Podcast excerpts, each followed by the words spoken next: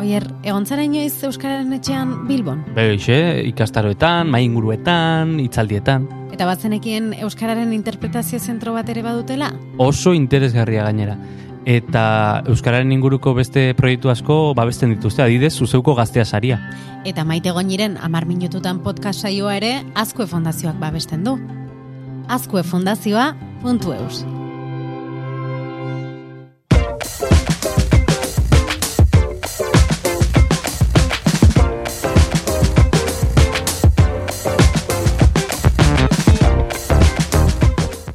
Ikaskuntza zikloaren fase ezberdinetarako irakasleok baliabideak behar izaten ditugu. Zalantzarik ez dago, zenbat eta erakargarriagoak izan, orduan eta hobeto ikaslentzat. Erabilditzak egun baliabide hoietako batzuk, mugikorretarako aplikazioak dira, baina nola hautatu egokiak direnak?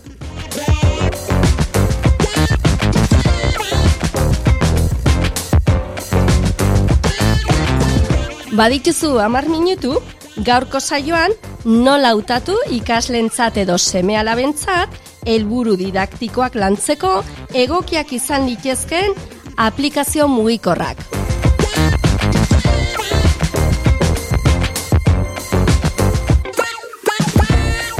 Bueno, bueno, bueno, maite, ni, ni gelitu nintzen, eh, beste, Beste garai baten. Beste garai baten, esku, gure hezkuntzan ez zeuden mugikorrak.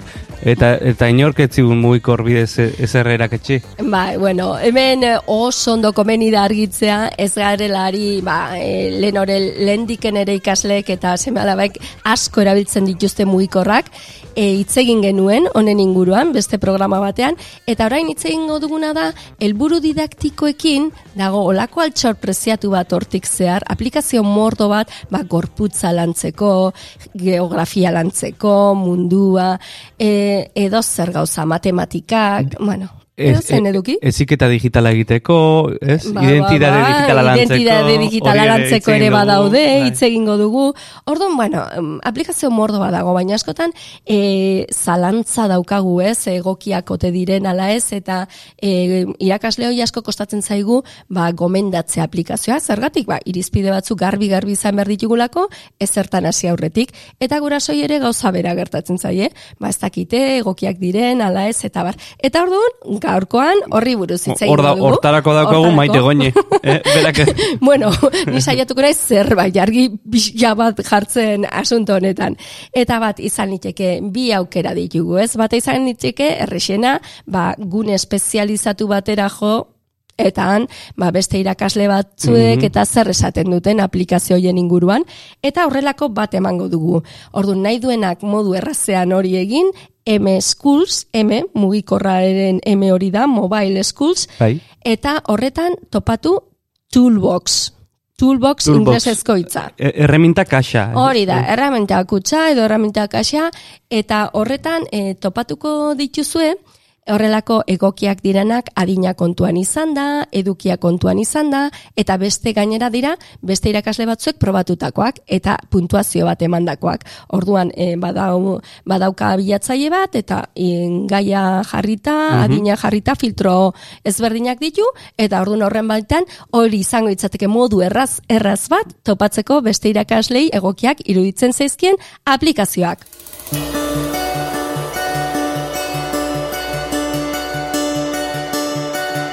Mobile World Capital Barcelona el que vol és eh, fer una proposta de canvi social basat en la tecnologia digital i tecnologia mobile. I això passa per una educació molt ben formada en tots els aspectes tecnològics.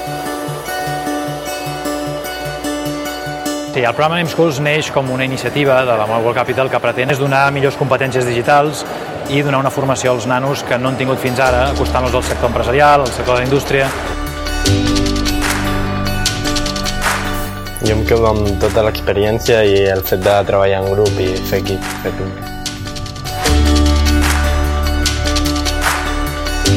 integrem els coneixements TIC eh, de la part d'informàtica amb els models de negoci, amb l'emprenedoria, que són valors que cada vegada són més imprescindibles en la nostra societat. Això em considero, considero que és una bona iniciativa, la veritat és que sí. Tindre experts eh, del sector, de les apps, que és un sector molt particular, és molt important. sobretot pel tema dels models de negoci i què coses hauria tindre d'un app que tu no has pensat i ells sí que saben.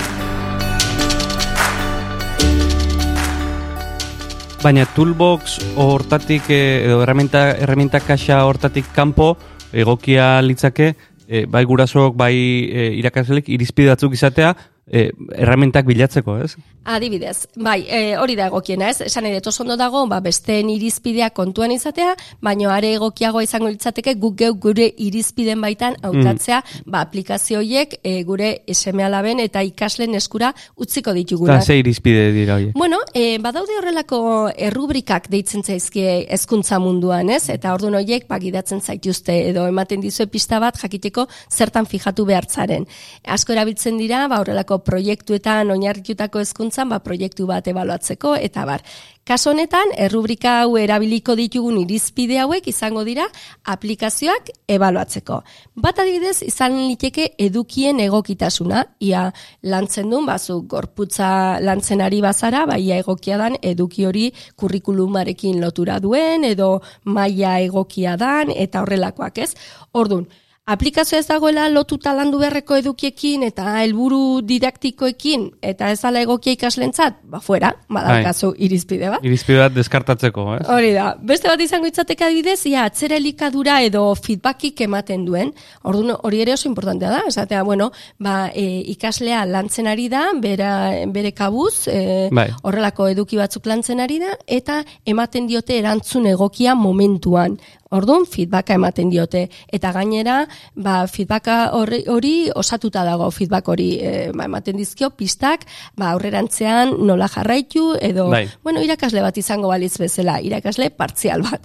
Ba, hori ere, egokia izan liteke. Oso ondo.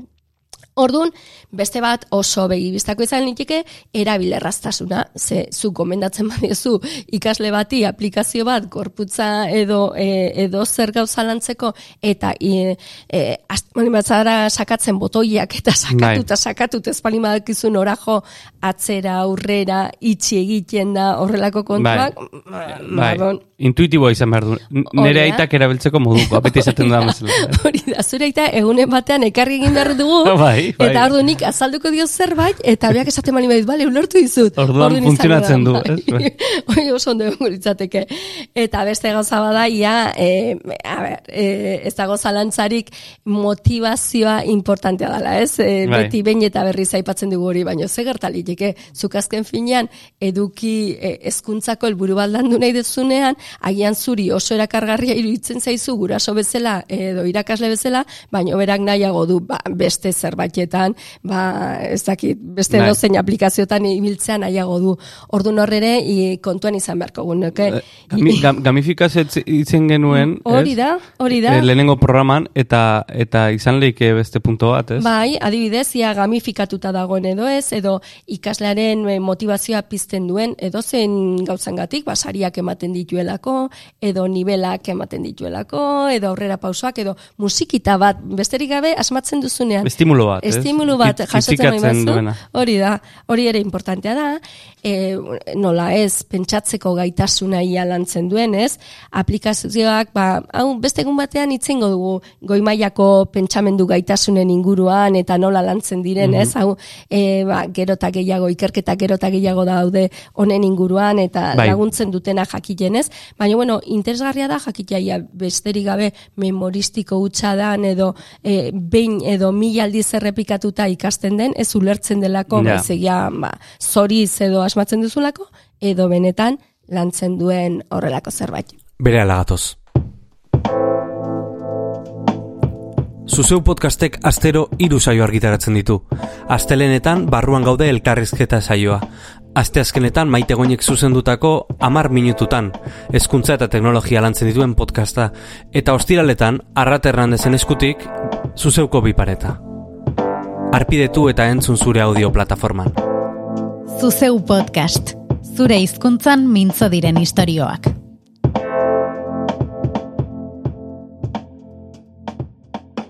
Eta e, jarri adibideren bat, e, nolako, ze, ze aplikazio daude ba, eskuntzaren edo motibo didaktikoekin e, Ba, elburu didaktikoekin adidez, e, pila bat pila bat daude, bai Google Play eta ez e, orain A- e, Play, ere, bai. Play Storeen eta Apple Storeen e, pila badaude, hau da, isialdiko ez ba, hauek dira deskargatuenak, ez, kuntzari begirakoak, orduan, hau oso e, denetarik lantzeko, baina adibidez bat komentatuko dugu.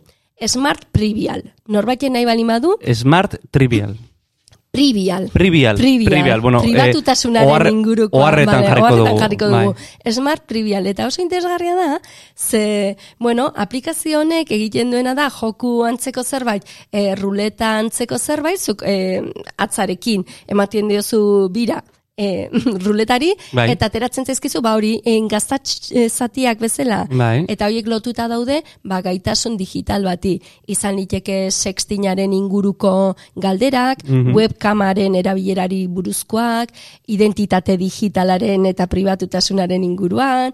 Orduan oso interesgarria da o, e, identitate digitala eta sarean nola jokatu ba, lantzen duen Irizpide batzuk izateko. Hori bai, da, bai. irizpide batzuk. Eta, gu- gamifikatu da gainera, ez? Bai. Ulertzen dudanez. Bai. Bai, orduan, zer egingo genuke? Ba, oain esan ditugun irizpide horiek e, begiratuko genituzke. Adibidez, e, norbait probatzen mani badu aplikazio hori ikusiko luke ed, edukien egokitasana mm, begi bistakoa Bai. da.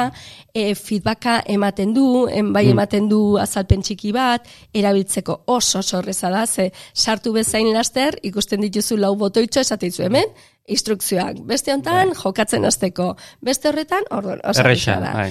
Motivazioa e, lantzeko gain aplikazionek egiten duena posible da bakarka jokatzea eta baita taldean ere. Eta gero puntuazio guztiak ematen ditu, oso, oso modu dinamikoan. Eta gero lankidetza lantzen du, eta, e, eta bueno, en beste irizpide bat ere kontuan izango genukena, ez kasu honetan, baino bai, ia pertsonalizatua dagoen, ez? Pixka bat egokitua dagoen egoerari, e- edo aidan hitz egiten kanpoko beste zerbaiti buruz kasu honetan, ere ikusiko genuke eduki hoiek ba gaur egungo eta hemengo gaztei interesa interesekoak direla. Beste adibideren bat, eh, adibidez musikaren inguruan Bai, ikasteko. badago aplikazio bat asko orain era, e, erabiltzen ari dena eta da Soundtrap. Soundtrap. Bai, e, soinuaren hitza, baita ipiniko dugu Mm. nola idazten den eta hori, eta bueno, horrekin nik bueno, e, pentsa- hain ari nintzen e, evaluazioa egiten, Bai. ia egokia izan zileken edo ez, eta oso nada ze ematen dizu aukera, olako musika sortzeko, eta musika eta zure hotxa gehitzeko. Bueno, Mm. bai, ni oso oso txarra naiz abesten. Eta orduan, hasi nintzen, jarri nion, erantzi pista bat, gero beste bat, bateria pixka bat, bestetik, beste ez dakiz zer, eta gero ni hasi nintzen abesten. Eta pentsatu Hori nun dago? Hori entzun daiteke? E, pentsatu nun idea honen izan zitekela. Ba, ikusteko zer zan hori egitea, baina gero pentsatu nun no bezala ez ez, erakustea. Orduan, e, bueno, esan nahi dut, badaude horrelako aplikazioak, eta nik adidez, e, on, guraso izango banitz, edo seme, edo irakaslea naizen neurrian, ba, desde luego, honek, nire rubrikaren e, Bai. baitan, ba, eukiko luke puntuazio oso altua, egokia iruditzen zait.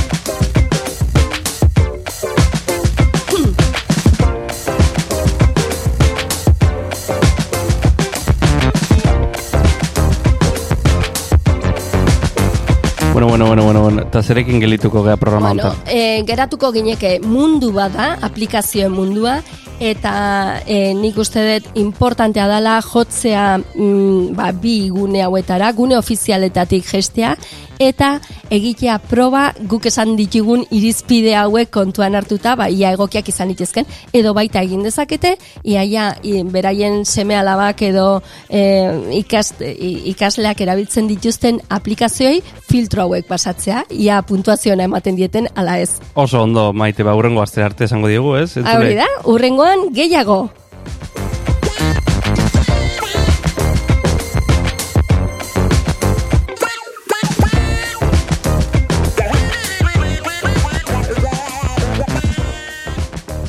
Edozein plataformatan entzun dezakezu zuzeu podcast. Spotify, Apple Podcasten, Google Podcasten, eta plataformaren batean espalima gaude, idatzi podcast abildua zuzeu.eus elbidera. Hori da podcast abildua zuzeu.eus. Eta segidan igoko dugu plataforma horretara ere gure edukia. Eskerrik asko eta hurrengora arte.